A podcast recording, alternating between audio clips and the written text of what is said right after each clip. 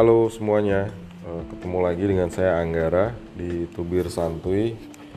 Kali ini saya akan membahas bisa nggak sih eh, sapi dijadikan jaminan atas utang. Nah, kalau kita melakukan suatu peristiwa hukum dalam bentuk utang piutang, maka apalagi kalau nilainya besar, biasanya akan disertakan juga jaminan kebendaan untuk membayar Eh, memastikan eh, si peminjam atau pengutang membayar sesuai nilai yang disepakati dan sesuai waktu yang disepakati. Nah, secara umum memang eh, lebih banyak benda-benda tidak bergerak yang dijaminkan antara atau benda-benda lain yang sangat berharga seperti emas.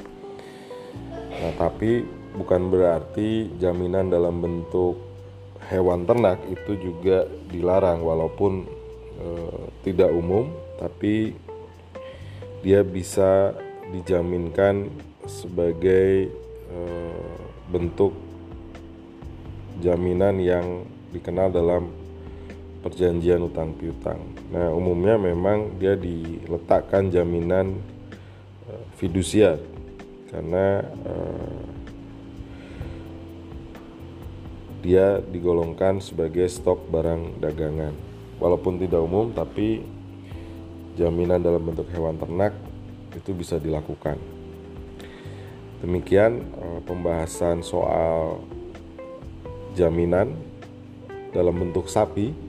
Mudah-mudahan Anda bisa paham dan mendapatkan manfaat dari informasi ini.